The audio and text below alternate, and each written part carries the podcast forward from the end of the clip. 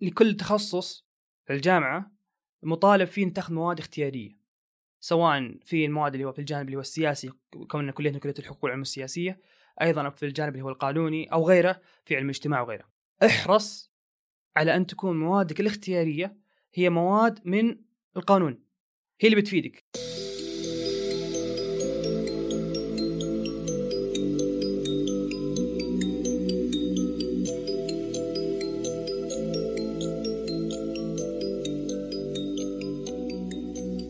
السلام عليكم ورحمة الله وبركاته. حياكم الله جميعا في حلول بودكاست. البودكاست اللي نستضيف فيه أشخاص من مختلف المجالات والمواضيع المرتبطة بالقانون ونسمع منهم حلول. ضيفنا اليوم هو الأستاذ عبد الرحمن الغملاس خريج قانون بامتياز مع مرتبة الشرف وما شاء الله من الأوائل على الدفعة. حياك الله أبو إبراهيم. الله يحييك ويبقيك ويطول بعمرك. أنا سعيد جدا بوجودي معكم في أول حلقة من هذا البودكاست اللي أشوف له مستقبل كبير إن شاء الله بإذن الله. الله يرفع قدرك. وحنا الحقيقة شاكرين لك ونقدم لك على ما قالوا شكر مغلف بباقة ورد واجب. لأنه دائما الأشخاص اللي يجون في البداية واللي يسمونهم في ال business ال early adopter هم الأشخاص اللي يؤمنون بالفكرة ويتقدمون ويدعمون وهم لسه ما شافوا شيء. فشكرا لك. واجبنا هذا. طيب إحنا في الحلقة بنتكلم إن شاء الله عن عدة محاور. هذه الحلقة تهم آه، المقدمين على تخصص القانون. واللي يدرسون أيضا التخصص في الوقت الحالي وحتى الخريجين. في المحور الأول بنتكلم عن تخصص القانون بس آه، بنجيبها يعني بطريقة مختلفة عن المواضيع اللي نسمعها دائما. إحنا دائما نسمع هل القانون حفظ ولا فهم؟ هل القانون سهل ولا صعب؟ آه ليش فيه كثرة خريجين؟ ليش المعدلات عالية؟ هل في اكتفاء؟ لا اليوم بنتكلم إن شاء الله بطريقة آه متميزة أكثر ونبعد نبتعد عن المواضيع المستهلكة. بنجي من الأخير يعني. بعد تجربة عبد الرحمن الغملاس في كلية الحقوق وتخرجه ما شاء الله من الأوائل. لو قلنا اليوم أنا أول يوم قانون أول يوم داخل الكلية. نبيك تتكلم لنا عن تخصص القانون فكرة بسيطة يعني عن التخصص. اولا تخصص القانون من آه، تخصصات المسار الإنساني في جامعة الملك سعود. اي آه، يبدو لي إن وجوده في التخصص الإنساني أو في المسار الإنساني قد يظلمه. بسبب آه، نسبة اللي هو قبول فيه آه، أقل من غيره في إي. في المسارات اللي هو العلمية. آه، أنا خريج الثانويه في معدل 97 ما شاء الله. آه، وفي القدرات والتحصيلي من درجات مرتفعة يعني. ما شاء الله. فاختياري كالقانون هو عبارة عن حب له وشغف أي. له. لعلي أشوف اللي هو في القانون هو التخصص المناسب عشان أبرز فيه مهاراتي. مم. يعني هو من التخصصات اللي يحتاج لها تحدث آه، يحتاج لها إلقاء يحتاج لها جرأة فيها ويحتاج لها أيضا خاصية التحليل والاستنتاج. يمكن الواحد تقول له وش رأيك في التحليل والاستنتاج؟ وين ممكن أحصله في أي تخصص على طول يروح باله رياضيات فيزياء غيرها من التخصصات العلمية اللي يحتاج لها الواحد يفكر في المسألة أكثر من مرة عشان يخرج منها. لكن القانون يحتاج تحليل واستنتاج في حلول القضايا وغيرها. آه، أيضا أشوف في التخصص آه، إحدى صفات شخصيتي وهي حرص على الانضباط والالتزام. إي. فهو معزز جدا لهذه المسألة فدخلت لهذا السببين يعني. ممتاز طيب بالنسبة لل...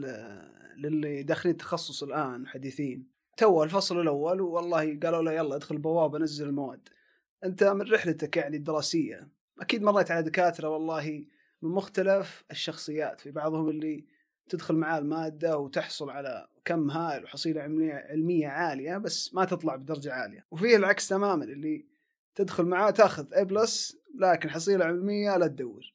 فوش نصيحتك لهذول الطلاب الجدد؟ أنا أتفق معك في هذه المسألة آه، ولعلي أنا مريت أكثر من دكتور بأكثر من شخصية بأكثر من أسلوب. أي نعم.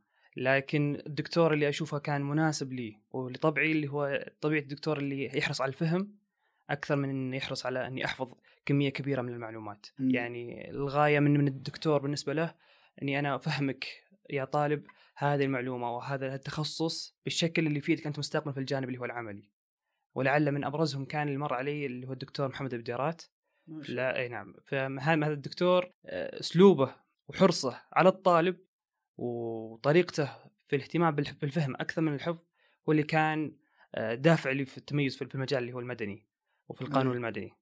آه، أيضا في الكثير اللي هو من الدكاترة اللي مرت عليهم لعل منهم معن القضاة الدكتور منير القرني اهتمامه في طرح وغرس بعض المعلومات بعض اللي هو الأمور الإيجابية والتفاؤلية. الجانب ال- ال- الشخصي آه، لعله يجعلني اذكره في في كل محل في كل مجلس. ما شاء الله. طيب بالنسبة للآن لل... أنا والله نزلت المادة واخترت الدكتور. بدينا والله في المادة العلمية و... آه، وصلنا لمرحلة الاختبارات قربت نعم. الاختبارات الفصلية. أنت ما شاء الله من الأوائل على الدفعة فأكيد عندك طريقة معينة مميزة في المذاكرة فانا بيك تكلمنا عن طريقتك. لعل طريقتي يعني أقدر أقول عنها مذاكرة طويلة وقصيرة في أن واحد. أي. نعم أنا أنا ما احبذ إن تكون مذاكرتي عبارة عن فترة كبيرة كبيرة من الوقت آه، في يوم واحد أو في فترة واحدة. بمعنى إني إني أفصل المذاكرة على أيام كثيرة لكن بكمية بسيطة جدا. مم. يعني نفرض مثلا أنا عندي اختبار بعد أسبوع أو أسبوعين. أي. كمية مثلا الصفحات المطلوبة مني إني أذاكرها في الاختبار حدود 100 صفحة. فأقسمها على هذه الأيام معدل 15 إلى 20 صفحة. ممكن تأخذ مني في اليوم ساعة إلى ساعة ونص. أه صحيح راح تكون مطولة لكن راح تكون مفيدة جدا في الاختبار بحيث انه خلاص المعلومات ترسخت بشكل مو بسريع لكن بشكل بطيء ومفيد في الاختبار نفسه. مع أجعل يوم واحد أو يومين قبل الاختبار تضم جميع المعلومات اللي ذكرتها سابقا. امم أه والله طريقة جيدة يعني الحقيقة وأنا أتبع مثل الطريقة وأشوفها جدا مميزة. أه بالنسبة للأنشطة اللاصفيه أو الأنشطة التطوعية أنا أدخل الجامعة أسمع والله في نادي قانون في آه، نادي نزاهة في أندية مختصة بمجال القراءة. هل أركز على دراستي ولا أروح لهذه الأندية؟ وهل اللي رحت له أصلا بيأثر علي؟ فوش نظرتك في هذا الموضوع؟ أنا أشوف إن الأنشطة اللاصفيه من مظلومة في في الكليات من جانب الطلبة. مم. الاهتمام قليل فيها. آه، بسبب بعضهم يركز على الدراسه أكثر وأنا منهم للأمانة يعني أنا كنت كنت مخطل في دراستي في الجامعة إني ركزت على دراسة أكثر بحرصي أكثر يمكن لحكم ظروف الجامعة وما إلى ذلك. لكن آه، كاهتمام لو أنصح أي طالب المقبل عليه على الكلية إن ما يفرط في اللي هو في الأنشطة الصفية لا من ناحية اللي هو الدورات لا من ناحية الزيارات لعلي استفدت من بعض من بعضها في زيارة إلى إلى بعض المحاكم كمحكمة المحكمة الجزائية. يعني نادي القانون نظم إحدى الزيارات للمحكمة الجزائية. واحد يشوف اللي هو الطابع اللي هو العملي للمحاكم وتطبيق اللي هو نظام المرافعات أو نظام اللي هو الإجراءات الجزائية فيها. أي. آه هذه راح تكون لها تأثير جدا في في الجانب المذاكرة والدراسة مستقبلا. لما يكون الواحد عنده تصور تصور واضح وعملي اللي قاعد يذاكره راح ترسخ المعلومات بشكل كبير جدا. فأنصح أي طالب إنه ما يفرط في الأنشطة الصفيه وخصوصا اللي هو الزيارات إلى المناطق اللي هو العملية سواء مجلس الشورى أو أو هيئة الخبراء أو غيرها من الزيارات اللي ينظمها نادي القانون تحت رعاية كلية القانون كليه الحقوق العلوم السياسية أنا عندي إضافة لهذا الموضوع يعني من تجربة شخصية. أنا أول ما تخرجت عرض علي يعني فرصة وظيفية فقبلتها ورحت أول يوم يعني كانت مقابلة شخصية. أول ما جلست أول سؤال في المقابلة قبل المعدل وقبل الأشياء اللي أنا متميز فيها. سألني قال لي وش الأندية التطوعية اللي أنت دخلتها؟ أنا انصدمت والله. شلون يعني؟ طيب معدلي طيب الشهادات اللي معي ليش تحديدا سأل عن الأندية التطوعية؟ ففعلا هي لها تأثير وأتوقع يعني أرباب الأعمال مستوعبين هذا الشيء، مستوعبين إن الطالب اللي منهمك في الدراسة هو يعني غالبا يكون آه، ما انتبه لجانب آخر من شخصيته هو الجانب المهاري اللي ما يتطور إلا بهذه الأنشطة اللاصفيه. طيب الآن ننتقل للمرحلة الأخيرة اللي هي تهم والله اللي قربوا من التدريب التعاوني ومطالبين بأنهم ينزلون المادة ف وش فكرة التدريب التعاوني؟ من اللي مطالب إنه يهتم فيه؟ هل هو يعني واجب على الطالب إنه هو اللي يبحث عن الفرصة ولا هل الكلية يعني تدور على الفرص وتربط الطالب فيها؟ فوش نظرتك في هذا الخصوص؟ أنا أعتقد إن عمليه التدريب التعاوني هي عملية تكاملية بين الكلية وبين الطالب، لكن لو أقدر أقسمها بال...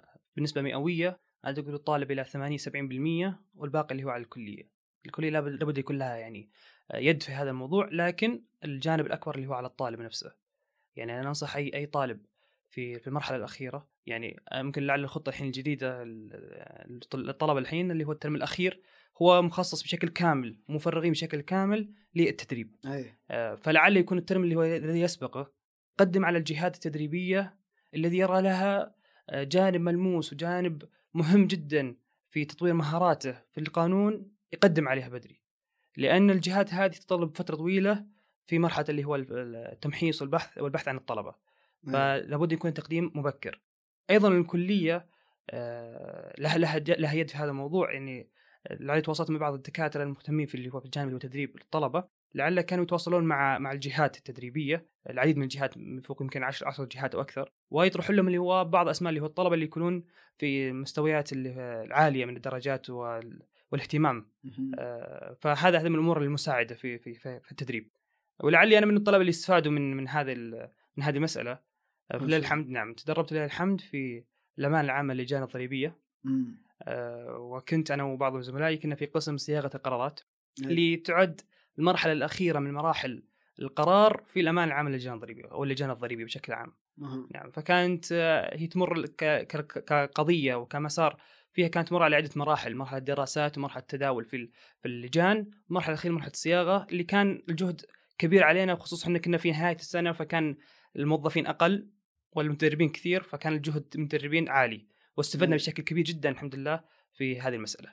طيب بالنسبة لل للي الآن قرب قرر يعني قرب يتخرج ويقول أنا والله معدلي نازل هل مستقبله انتهى خلاص؟ هل فعلا القانون يعتمد على المعدل بشكل أساسي ويغفل بقية الجوانب في الخريج؟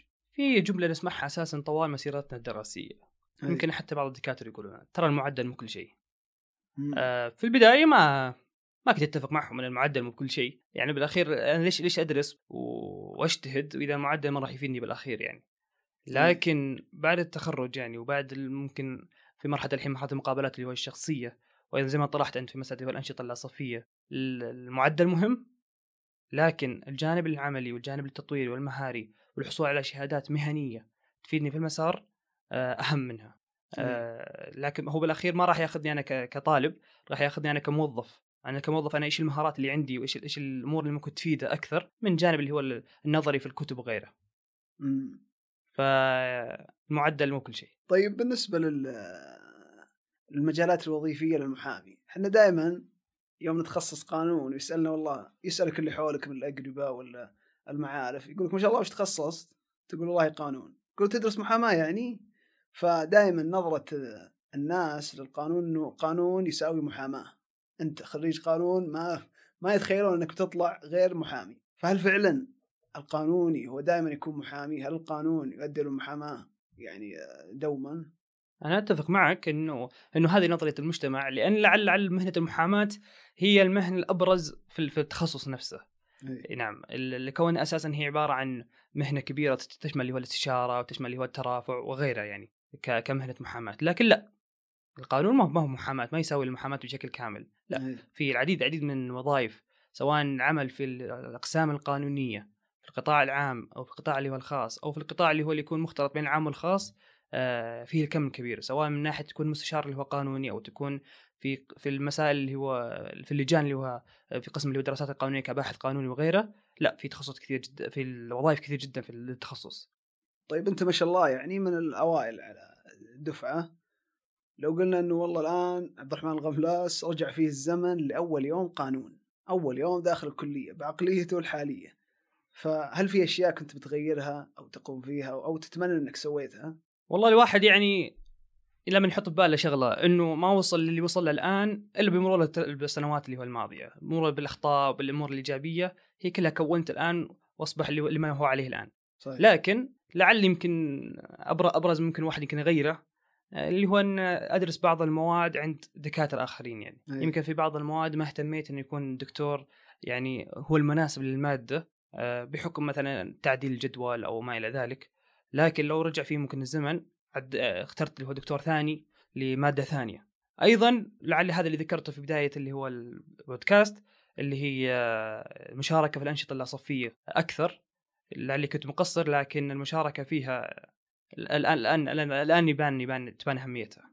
أنا بالنسبة لي يعني أنا عندي رأي في هذا الخصوص. آه، أنا أعتقد لو رجع فيني الزمن لأول يوم قانون الشيء الوحيد اللي ندمت إني ما سويته هو العمل أثناء الدراسة. وأنا ما أقصد العمل بشكل عام أنا أقصد إني كنت لو تمنيت لو إني كنت مثلا أشتغل في مكاتب وأنا أدرس في الفترة المسائية. لأنه غالبا في آه، الجدول الدراسي يكون عندك وقت فراغ فأنت تقدر بطريقة معينة إنك تخليه مسائي آه، عندك فراغ فتقدر تداوم في مكتب وتستفيد من هذا الوقت. آه، هل في نصائح أخرى ودك توجهها لل للمقبلين على التخصص؟ نعم يمكن لعل هذه نصيحة سمعتها من دكتوري اللي كان يدرسني مادة مبادئ اللي هو القانون الدكتور محمد البديرات قال لنا لا تخافون آه لا تخافون من المادة ولا تخافون لا تخافون من التخصص. أنتم الحين اللي قاعد تدرسون الآن شيء جديد كليا بالنسبة لكم. مصطلحات جديدة طبيعة علم جديدة تختلف بشكل كامل عن اللي كنتوا تاخذونه سواء في التحضيرية أو في مسيرتكم اللي هو في المدارس يعني. مم. فأنا أقول في البداية في المبادئ إذا أنت داخل القانون عن رغبة وعن شغف فلا تجزع من من التخصص بسبب اللي هو مادة اللي هو المبادئ. مادة لعل لعل بعد بعد مسيرتك بعد سنه سنتين من اللي هو التخصص بتشوفها كمادة بسيطة جدا. ليش كنت تخاف منها وليش ليش يعني تتوتر منها؟ ابدا. لا تجزع استمر. حافظ على الأساسات اللي تأخذها في المبادئ هي اللي راح تفيدك مستقبلا. أيضا لعل عين من أبرزها أيضا احرص على المواد اللي تبني لك في أقسام اللي هو القانون. يعني م. في أقسام القانون اللي هو متعدد سواء في المادة اللي هو ما يدخل في المسارات اللي هو الجزائية ومسار الدولي أو مسار اللي هو الإداري. المادة الأولى اللي تكون في هذا التخصص هي لبنه أساسية في هذا القسم. فأنت حافظ عليها واهتم فيها عشان تقدر تمشي بعدها. أيضا هذه مرتبطة مع مع النصيحة اللي قبلها المواد اللي تكون مرتبطة مع بعضها البعض. هي عبارة عن مادتين أو ثلاثة أه واحدة تلي الأخرى أه حاول إنك ترجع تراجع منها. لو قبل لو قبل اللي هو ترم يعني تراجع فيها لأن راح تفيدك مستقبلا تكون الصورة بالنسبة لك أوضح. لأن أحيانا هذه المواد اللي تكون مترابطة ما تكون متسلسلة بالاترم أو في في في الفصول اللي هو الدراسية. مم. يعني ممكن تأخذ واحدة مثلا في اللي في الترم الثالث أو في المستوى الثالث بعدين تأخذ اللي يليها في المستوى الخامس. بالتالي صار عندك أي فترة يمكن خمس شهور ست شهور ممكن تنسى تنسى المعلومات هذه اللي بتفيدك بعدين. لعل أيضا من أبرزها انه القانون صحيح هي كنظرة له أنه في مواد قانونية في أمور تحفظها صحيح؟ لكن حاول قدر الإمكان أنك تفهم المواد أو تفهم النصوص أكثر من إنك تحفظها لأن فهمك لها راح تساعدك مستقبلا إنك تتذكرها وتفهم غيرها. آه يمكن أيضا من بعضها من, من الأمور اللي أنصح فيها إن لا يهمك اختيار الدكتور كثر الجدول.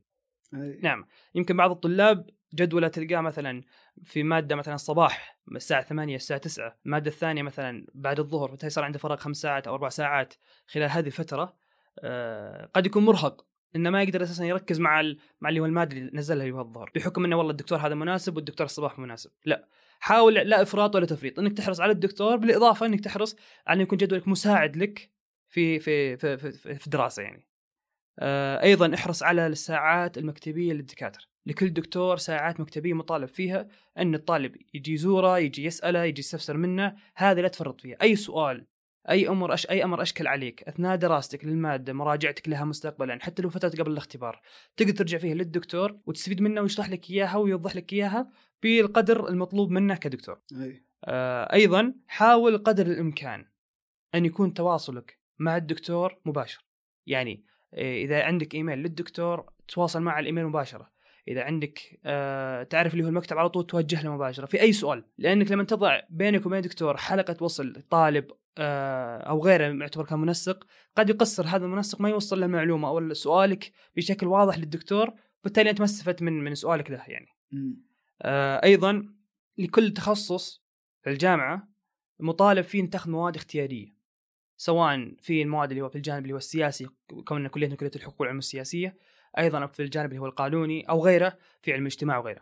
احرص على أن تكون موادك الاختيارية هي مواد من القانون. هي اللي بتفيدك سواء يمكن إحنا عندنا بالنسبة للدفعة القديمة كان عندنا مثلا القانون الجوي أو قانون آه، أو غيره من بعض بعض المواد القانونية. ماده يمكن الحين صارت أساسية في بالنسبة للخطة الجديدة. احرص إنك تأخذ المواد القانونية لأن هي اللي بتفيدك. بدل يعني ممكن آه، صحيح تفتح مدارك لك أكثر إنك تفتح من تخصصات ثانية لكن هي بتفيدك أكثر إنك تأخذها في في في المواد الاختياريه أيضا من من المواد اللي كانت مهمة اللي ما يتعلق بالزكاة والضرائب الحين أصبحت أساسية في الخطة الجديدة لكن في الخطة القديمة كانت مادة اختيارية ولعل إن بعض الجهات يهمها وش أخذت كمادة اختيارية هل بتفيدني أنت كطالب إنك درستها. آه، في. في مدرستك الجامعية ولا لا فأحرص على أن تكون موادك الاختيارية هي مواد من صلب تخصصك آه أيضا خليك معروف للدكتور بمستواك باجتهادك لا بالأسئلة السطحية. إحنا عندنا مشكلة بعض الطلاب إنه صحيح. يحرص إن الدكتور يعرف اسمه. ممتاز هذا. لكن إنك إنك تصير معروف للدكتور بسؤال ممكن نقول عنه سطحي أو تافه مع احترامي للشخص هذا. راح يضيع وقت المحاضرة والدكتور راح ياخذ منك نظرة بيعرف أنت وش تبي توصل له. صحيح. نعم. ولا راح تاخذ اللي هو أنت مبتغاك بالأخير. فأحرص انك تكون معروف للدكتور بمستواك واجتهادك في الاختبارات في في المذاكرة في مراجعة الدكتور في الساعات المكتبية. هذه من الأمور المهمة. أيضا كتبك القانونية. بعض الطلاب يخلص من المادة لكتاب. يا يرميه يا يروح يبيعه أو يستبدل مع كتاب ثاني. كتابك القانوني إذا أنت ما أنت حري... ما أنت يعني آه، محتاج إنك تبيعه أو محتاج إنك تستبدله احتفظ فيه. راح يعتبر مرجع لك سواء في في المواد الأخرى في في الم- في المسار أو في التخصص أو مستقبلا بعد تخرجك تقدر ترجع لها بعدين. فهذه مهمة جدا خصوصا إن بعض الكتب القانونية قد ما تحصلها بعدين يكون يكون خلفها كتاب ثاني وهذه ينقطع هذا الكتاب فاحرص على كتبك القانونية وما فيه من الملاحظات. آه أيضا أبعد عن الغياب قدر الإمكان صحيح لكل طالب عدد ساعات معين خلال الترم أنه يستطيع هو الغيبة من 10 إلى 12 12 ساعة.